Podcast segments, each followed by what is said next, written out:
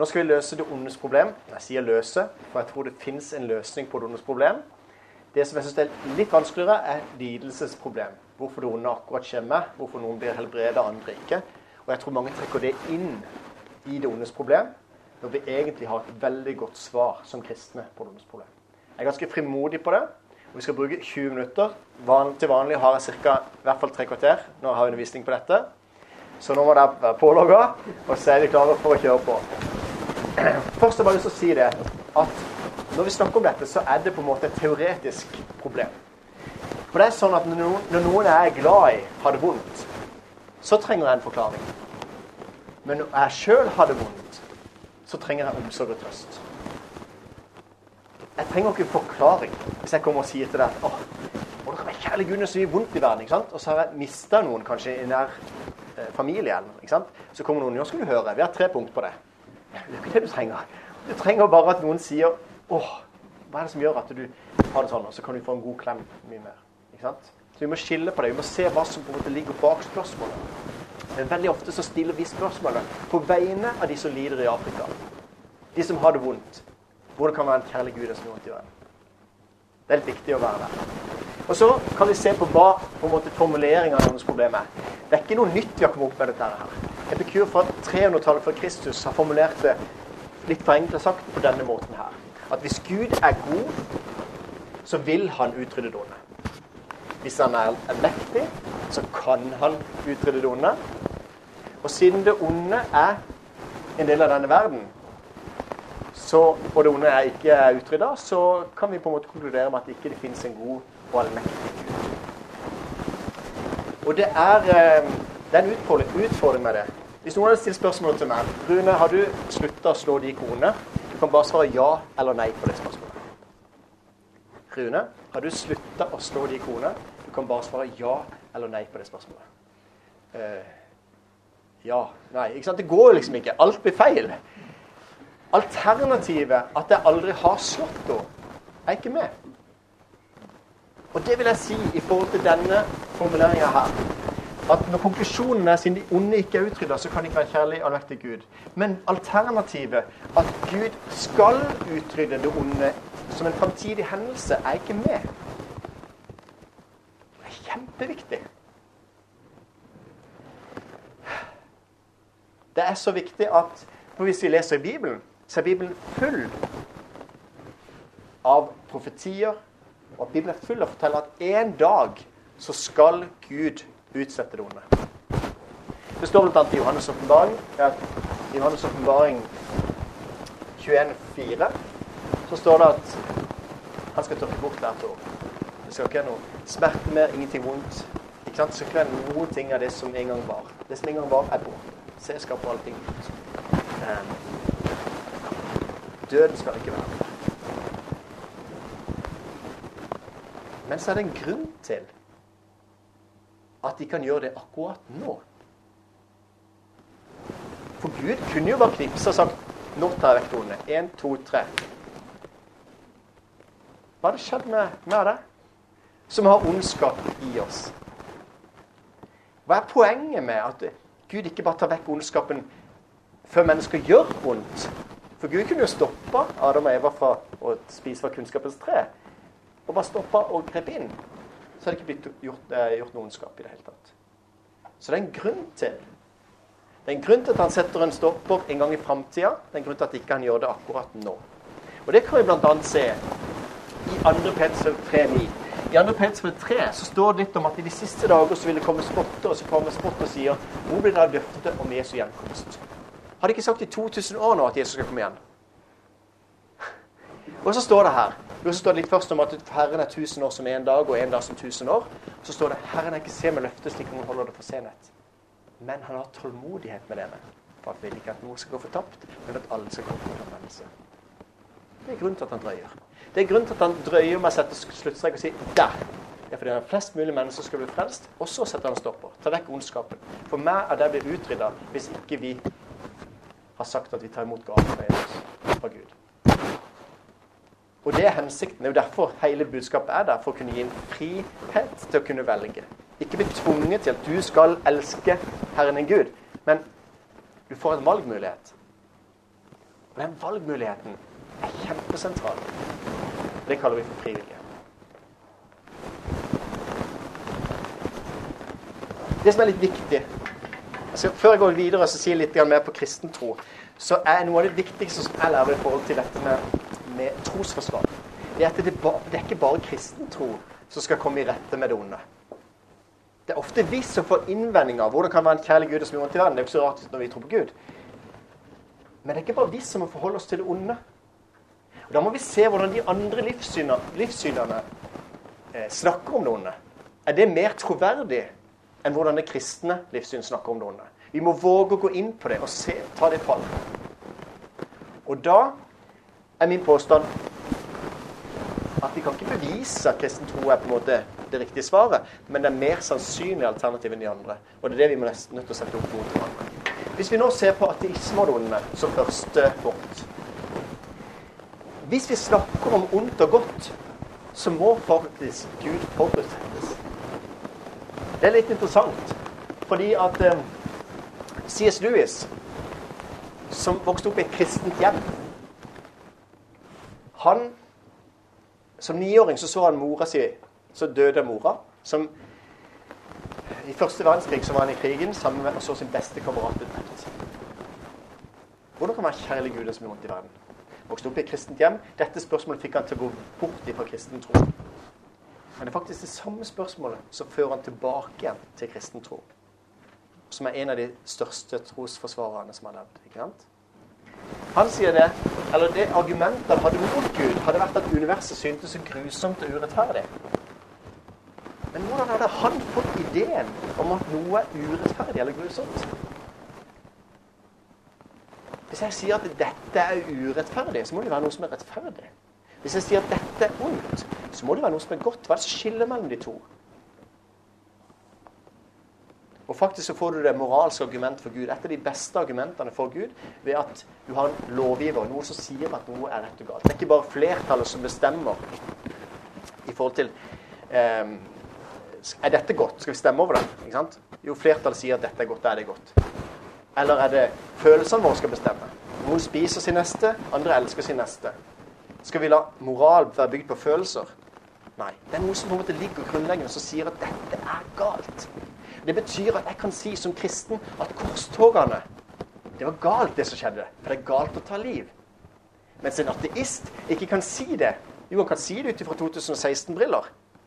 Men det kan godt være det var rett for dem den gang. Han kan ikke lese moral inn i en annen tid. Derfor, Det som ofte brukes mot kristne som et argument av hva vi gjorde i korsdagene, det er egentlig et kjempegodt argument motsatt. Hvordan kan du si at det er galt? Jeg kan si det fordi Gud sier at det er galt. Men hvordan kan du si galt? Kanskje det var rett for dem? De lever en helt annen kultur. Du kan ikke se med 2016-briller på det som har skjedd, osv. Følger du med, eller? Det kjører jeg på. Men det er kjempeviktig. Det er et utrolig godt argument. Men når jeg sier at noe er urettferdig, så er det på en måte fordi at det, det er ikke ment å være sånn. ikke sant? Og så kan jeg si at dette er feil. Eh, hvis en da oppsummerer det i forhold til eh, Egentlig sånn som menneskelig humanetikere. Hvorfor skal vi fremelske det gode mennesket? Det er jo like menneskelig å være ond som god. Hvordan ble vi et moralsk vesen? Hvorfor blir ikke Løve anklaga for mord når han tar liv? Hvis vi ser på Østens religioner det er litt sånn feil å trekke alt inn i ett. Hvis vi sier buddhisme og hinduisme, det er en del likhetstrekk, selv om den ene tror på guder og den andre ikke. Hvis jeg ser på noen likhetstrekk her, så er det det at du kan snakke om Du kan ikke snakke om ondt og godt, for alt er Gud. Vi kan ikke si at noe er ondt. Jo, vi kan si at noe er ondt. Men alt er jo Gud, så alt er villet sånn. Altså på en måte dette er jo Alt er Gud. Um, og så kan vi si at det onde det er en tankefeil. For egentlig så er også det gode ondt. For det gode det binder deg til evig kretsløp. Faktisk i buddhistisk tankegang så er dette livet her noe vi skal bli satt i fri på. ikke sant? Vi skal oppnå nivana. Og da vil jo det som er flott her, og som vi koser oss med, det er også egentlig ondt. For det binder deg til det evige kretsløp. Og det er interessant å se på tanke, hvordan vi definerer ondt. da. Jeg syns ikke det er passende beskrivelse for hvordan jeg opplever denne verden. For jeg opplever fantastisk mye godt, og så er det noen, noen drit som ødelegger det fine. Ikke sant? Det, synes, det passer ikke inn i forhold til buddhistisk tankegang. Det er alt ondt. Eh, og så Det at noen opplever urettferdighet, er de sjøl skyld. Det kalles karma. Så grunnen til at enten at du er født inn i en vanskelig situasjon, eller at du opplever noe vanskelig gjennom livet Karmas lov forteller jo at det er en grunn til at du opplever akkurat det du opplever. Ergo vi trenger egentlig ikke hjelpe de som er født kasteløse. For de er sjølskyldige, skyld de har levd et dårlig liv i det forrige liv. Og Det syns jeg er vanskelig å få til å gå opp. Jeg klarer ikke helt å kjøpe den måten å tenke på. Men så er det jo lurt å hjelpe de kasteløse, fordi da får de jo bedre karma ikke sant? sjøl. Det vil jo på en måte ikke fungere sånn i praksis. Men, men faktisk er det sånn at selv kastesystemet i India er avskaffa, så fungerer det fremdeles. Og så er det ufattelig vrient når kristne kommer og forteller at alle har like mye verdi. Da ødelegger de et samfunn som er bygd opp på kaste. Men dette er noen måter å forklare det onde på som ikke helt jeg kjenner igjen med min virkelighet. I islam så er Allah ansvarlig for alt. Alt som skjer, er forutbestemt. Alt som skjer, er Allahs vilje. Inshallah. Alt som skjer, er Allahs vilje. Det vi kaller ondt, det vil da også relateres til Allah, for det er Allahs vilje. Og det er veldig mange likestrekk mellom islam og kristen tro.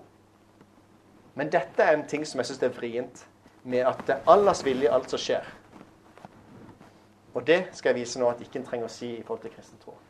Det var litt kort feil sagt i forhold til islam. Så har vi kristendommen og doene. Hvis vi ser på kristendommen og det onde, så må vi si, eller så sier Bibelen at Gud er bare god og aldri ond. At Gud skapte alt overmåte godt, men at det skjedde et opprør i skaperverket. Så sånn som det er nå, er ikke Guds vilje. Det er et brudd med Guds vilje. Det er ikke meninga at det skulle være sånn. Men hvordan kunne det da skje et opprør i skaperverket? Er ikke Gud allmektig? Kanskje han tillot at det skjedde. Er det en forskjell på det? For misforstår vi av og til det allmektighetsbegrepet. For jeg møter av og til noen sånne innvendinger på ja, hvis Gud er allmektig, kan han skape en stein som er så stor at ikke han kan løfte den sjøl? Hva svarer på det? Kan Gud skape en firkanta trekant? Kan Gud lugge en skalla mann? Ja, under armene. Men det er ikke det som er poenget. Altså, poenget er bare at det, det er logisk nonsens. Det, det, det, går ikke. altså Definisjonen på stein er at det er noe som kan løftes. Da kan du ikke på en måte, Da blir det logisk nonsens. Det, det gir ikke mening. Og hvis vi skal ha denne samtalen, så må vi bygge på logikk. Da må vi bare avfeie sånne type spørsmål. Men poenget er er ikke Gud allmektig. Kan da Gud skape en vilje som er fri, men ikke har mulighet til å velge helt fritt? Altså, Det gir ikke mening. Så hvis en vilje skal være fri, så sier C.S. Lewis En vilje som er fri, kan velge å såre hverandre, f.eks. Så Derfor så er en konsekvens av at fri vilje er blitt gitt Og hvorfor er fri vilje blitt gitt? Det er jo av kjærlighet. Gud vil at mennesker skal gis mulighet til å velge noe annet enn Gud.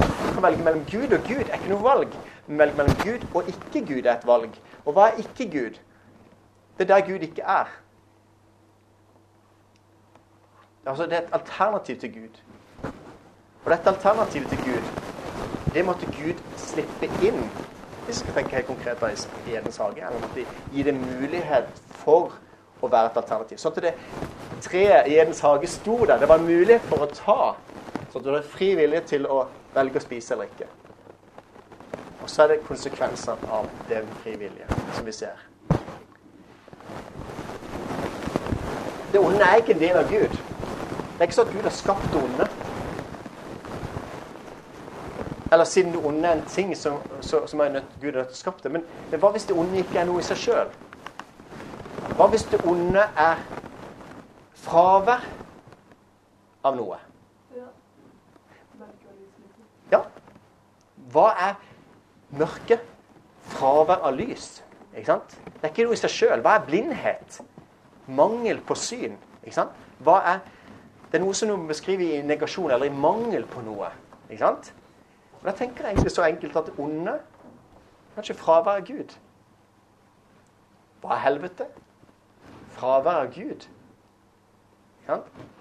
Og så videre. Men derfor så er ikke det onde noe Gud har skapt. Men det, det onde er noe som kom inn i verden da Gud skapte en av de gode tingene, nemlig den frivillige. Dens natur krever nemlig mulighet for ondskap. Så, så det onde er ikke noe Gud har skapt, men det måtte tillates å komme inn for at det skulle være et alternativ til Gud. Noen av dere har sikkert sett Bruce Almighty-filmen. Eh, jeg kan vise den etterpå, men siden vi har 20 minutter, så, kan, så tror jeg vi dropper den filmen. Eh, men den forteller veldig godt dette med fri vilje. Hvor Gud ikke, altså Gud ikke kan skape mennesker til å elske seg. Eh, men det handler om at det må fortjene sin kjærlighet. Som kristen kan jeg si at verden er unormal. Jeg kan si at ikke den menighet skal være sånn. Jeg kan si at det er en Jeg kan klage til Gud. Jeg kan si 'Min Gud, min Gud, hvorfor har du forlatt meg?' Jeg kan si at 'dette er dritgud'. Jeg kan liksom Jeg kan klage. Og så vet vi at Gud har starta en redningsaksjon. Hvis dette hadde vært alt Gud kom opp med, så ville jeg sagt Gud, kom, kunne du ikke klare å komme opp med noe bedre? Men jeg tror ikke at denne verden er den beste verden Gud kunne komme opp med. Men jeg tror det er den eneste verden for å få den beste verden i framtida. Det vil si at Gud har skapt en selvstendig verden her, med selvstendige vesener som kan gå rundt og gjøre godt eller ondt. Det kan de velge. Men i framtida så vil det være en stor skare som ingen kunne telle, alle folkeslag, alle tungemål, som har valgt å si vi ønsker ikke sjøl å være Gud. Vi ønsker å, å, å, tilby deg som Gud. Vi ønsker å tro på deg, Gud. ikke sant? Og så kan Gud ta vekk det onde. Og så skal det ikke være tåremerket mer. Og Derfor så utfordres vi som kristne til å kjempe mot onde. Vi skal ikke la denne urettferdigheten være en bit av denne verden. Vi skal kjempe mot ondskapen. Vi skal møte det onde med det gode. For det er sånn Jesus og Gud opererer. Vi skal elske de mennesker som ikke har fortjent å bli elska. For det er sånn Gud opererer. Hva, hva, hva, hva spesielt er det å si hei til de som sier hei til deg? Også tollerne gjør det ikke sant? samme. ikke sant? Altså, men du skal elske de som ikke fortjener å bli sagt hei til. Eller du skal gå Vi tar spørsmålet litt etterpå. Men vi skal gå på å, å elske i møte med de som er vondt. Elsk dine fiender, faktisk. Og Jesus tar deg til det ytterste og gir sitt liv for sine venner. Så fins det et håp. Dom og nyskapelse. Det fins et håp, og det er en framtidig Bibelen er full av det, at Gud skal dømme verden. vi som kristne tendens til ikke snakke så veldig høyt om dommen. For det høres så ille ut at Gud skal dømme dommen. Hører du meg? Eh. Men jeg mener at vi som kristne må rope høyt. Det er dommens dag som mennesker roper etter. Gud, hvis du fins, så må du gjøre med noe med denne ondskapen i denne verden. Ja, jeg skal gjøre det. Så er dommens dag. Og Gud skal straffe alt det onde som er blitt gjort det jeg har gjort og sagt, som har ødelagt et annet menneske, det skal straffes. Det kalles synd, og det skal knuses. Men det som er det glade budskapet i dette, som er evangeliet, det er det at Gud, som elsker oss så høyt at han gir seg sjøl for oss, det betyr at han tar den straffen ikke sant, i stedet for meg. Og Derfor så er det fantastisk budskap i korset med dom og kjærlighet. Rettferdighet, hellighet og, og kjærlighet forenes. Og Gud knuser ondskapen. Og da vil det ikke være smertene, ingenting mer. Og det, det, er en løsning på noens problem. Eh, det vil være en framtidig hendelse. Gud tar vekk ondskapen. Det er ikke sånn at Gud ikke vil, eh, vil ta det vekk, men han, han vil kjempe mot ondskap. Um, til slutt bare litt på det med lidelsens problem. For mange blander dette sammen med at smerten gjør vondt. Hvorfor rammes akkurat jeg på akkurat denne måten? Hvorfor skjer det ikke noe med deg? Hvorfor skjer det noe med meg? Dette gjør det vanskelig. Og det er kanskje noe av det som kan få tvil hos oss kristne. For hvorfor noen opplever et bønnesvar, andre ikke. Og da er det ikke noe bibelsk svar på, på fordeling av lidelse. Det er ikke sånn at noen får det fordi de fortjener det. Eller fordi at de har vært stygge i et annet liv. eller det, det er Jesus ganske tydelig på, at denne mannen er ikke født blind fordi at foreldrene hadde synda eller ikke. Nei, dette er bare noe som rammer blindt. Sola går opp over gode og onde. Vi opplever noen for alt, opplever vi. Noen for alt. Og Ja. Men det onde er tillatt av Gud. Det onde er tillatt av Gud, på samme måte som jobb lider. ikke sant? Men Satan fikk tillatelse til han fikk tillatelse til å gjøre det vanskelig for jobb. For han skulle sjekke om han mista troa. Men Gud sendte ikke lidelsen. Gud tillot lidelsen å komme inn, men Gud går med lidelsen. Så når lidelsen er der, når det onde er der, så kan Gud bruke det onde og vende det til det gode. Ikke sant? Men det betyr ikke at Gud har sendt det for at det skulle på en måte skje noe godt. Hvis noen ble kristne ut av en vanskelig situasjon, så er det ikke sånn at Gud sendte det for at det, det skulle komme noe godt ut av det. Men Gud kan vende det vonde til noe godt. Og Derfor kan vi si at det er ikke en mening med alt. Vi trenger ikke si det. Jeg tror ikke på en skjebnetro. Det er fatalisme. Det er, det er islam som står for fatalisme og skjebnetro. Jeg tror F.eks. når, når eh, Moses møter brødrene sine så sier han dere tenkte ondt mot meg. Det sa jeg Moses. Jeg mente Josef. Unnskyld. Josef sa det. Dere tenkte ondt mot meg, men Gud tenkte det til det gode for å gjøre dette som vi, vi ser i dag, og berge livet for mange mennesker. Altså Gud tenkte det til det gode. Det kan Gud gjøre. Og det erfarer vi i livet. Han kan bruke det til å vekke en død verden. C.S. Lewis sier det. At lidelsen er Guds megafon til å vekke en død verden. Når vi bare har det så bra at vi ikke tenker på Gud, så kan lidelsen være med og få oss til å våkne opp. Og Da kan Gud bruke det til å være oss. Han kan bruke oss til å bygge karakterer og prøve troa vår. Og det er det som jeg tror vi, det eneste vi tar med oss til himmelen, det er karakteren. Vi kan ikke ta med oss noen ting annet. La dette livet være noe som bygger karakteren din. Og det onde kan hjelpe oss til det. Og til å oppdra oss. Gud sendte ikke ondskap for å oppdra oss, men når det onde er her, så vil det oppdra oss. Så da kommer vi oss gjennom nesten på 20 minutter. Veldig bra. Da har jeg lyst til å bare eh, spørre om det er noen som har spørsmål helt på tampen. Er det lov? Skal jeg slå?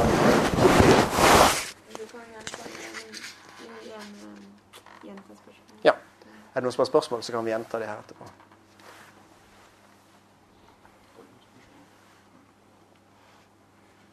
Hvis ikke det er noen andre Jeg vet, jeg vet ikke om det var eh, var akkurat din mening. Men altså, du nevnte på meg at det onde var fravær av det gode. Men eh, det er vel også en annen eh, type ondskap. At eh, en, Gud er vel en motstander, Satan, som står Gud aktivt imot og ønsker å stjele, myrde, ødelegge. Mm. Gud, ja. Ja. Spørsmålet handler om det at er det bare fravær av Gud, eller er det også en ond åndsmakt? Er det Satan på en måte som er, som er herre? Det som er litt viktig å si, det er at Opprinnelig så var det sånn at eh, det må jo ha blitt gitt et rom opprinnelig. Det er det egentlig jeg snakker om. At Opprinnelig så var det sånn at Gud måtte gi et alternativ til seg sjøl. Og derfor så har han på en måte gitt muligheten og gitt Satan et, Satan et spillerom. Men Satan er liksom en fallen engel ikke sant? som på en måte hadde behov for å, å opphøye seg sjøl. Men det som jeg ser, det er at denne her, det er en kamp mot vi har ikke en kamp mot kjøtt og blod, men makten mot myndighetene, mot verdensherskere, dette mørket, mot ondskapens ånd og himmelrommet. Det er en kamp som det også er en åndskamp i. Så Det står faktisk i Johannes, 1. Johannes 4 at hele verden ligger i det onde. Det står også at, det, at djevelen er en brølende løve som ser hvem man kan sluke. Så det er en åndskamp. Eh, det var ikke et forsøk på å si at ikke altså både det er fravær av det, men det var et forsøk på å si at et fravær av Gud Da vil Gud gi en mulighet for å velge noe annet enn seg sjøl. Men da, du, da, får du inn onde ånds, de onde åndens maktene. Eh, og det vil jo også være en kamp som, som kjøres akkurat nå. Det betyr at vi utfordres til å være med i denne kampen. Det vil si at når vi skal kjempe mot det onde, så må vi også be. Vi skal be. La ditt rike komme. La din vilje skje på jorda så som i himmelen. Vi skal be om at Satans rike skal bli mindre. Vi skal be om at det skal skje mer og mer av Gud her. Men jeg vil også si at helvete, f.eks. Mange sier, Rune, tror du på helvete? Så kan jeg si at eh, du må først definere hva du tenker om helvete, før jeg skal svare på det. For ellers har du dine tanker, og så er ikke det det samme som meg. Og så begynner vi å snakke på feil grunnlag. Hvis du tenker som Dantes inferno, hvor det står en sånn en, en djevel med en gaffel på en måte som pirker og så piner i all evighet, så tror ikke jeg på det som et helvete. Men jeg tror at um, at uh, helvete, altså Gehenna, som var et søppelplass rett ut forbi Jerusalem, som Jesus bruker til å beskrive helvete eller sier Gehenna, som er, Det brant alltid der. Det var, eh, avguds, det var barneofringer som hadde skjedd der. Det var forbundet med ondskap. Det var et bedriten sted. Det sier han er helvete. Et sted som de gråter og skjærer tenner osv. Og, og det, da tenker jeg sånn om det at um, det må være et valgmulighet til å være der Gud er. Så at folk er fornøyd med livet sånn som det er nå. Ja, men her er jo Gud. Gud er til stede med sin kjærlighet i denne verden. Men det er også en annen makt som er til stede med det onde. Men tenk at Gud tas bort. Da tenker jeg at et fravær av Gud ikke er et godt sted å være. Bibelen bruker mange eksempler på å si hvordan det skal være i himmelen. Med gata, gull og perleport. Jeg tror ikke nødvendigvis det er sånn at vi skal gå på gata, gull og gå gjennom perleporter hele tida. Jeg tror det handler om at det er det fineste vi mennesker kan tenke oss. Og det verste vi kan tenke oss, er et fravær av Gud, altså helvete. Og det beskrives det med ild osv. Så, videre. så det var litt langt svar på det spørsmålet. Jeg har lyst til å bare utdype litt, sånn at vi på en måte kan se at det her tror jeg at um, at vi ikke klarer å fatte hvordan det er å være sammen med Gud i en evighet. Og Da er det et veldig godt bilde som er med sommerfuglen. Kålormen som kryper rundt på kålbladet og, og drømmer om en himmel full av kål. Men når kålormen ser ut som at han dør Han dør ikke, men kroppen ligger igjen, på en måte. Det puppestadiet. Det skjer en forvandling til det livet som kanskje han virkelig var skapt til. For det andre er bare en sånn forberedelse. Og sommerfuglen er ikke så veldig opptatt av kål. Sommerfuglen har helt annet perspektiv. Og Sånn tenker jeg med det kristne liv. Jeg kurver rundt her som en kålom tenker og skal prøve å forstå himmelen. Og da tenker jeg at det er helt greit at det som kål. Eller at små barn beskriver det som en eh, himmel der du kan spise mye godteri du vil og aldri, aldri få hull i tennene. Helt greit. Perfekt beskrivelse. Så er det det som ser ut som en død. Kroppen ligger igjen. Men egentlig er det bare forvandling til det livet som virkelig vi er skapt.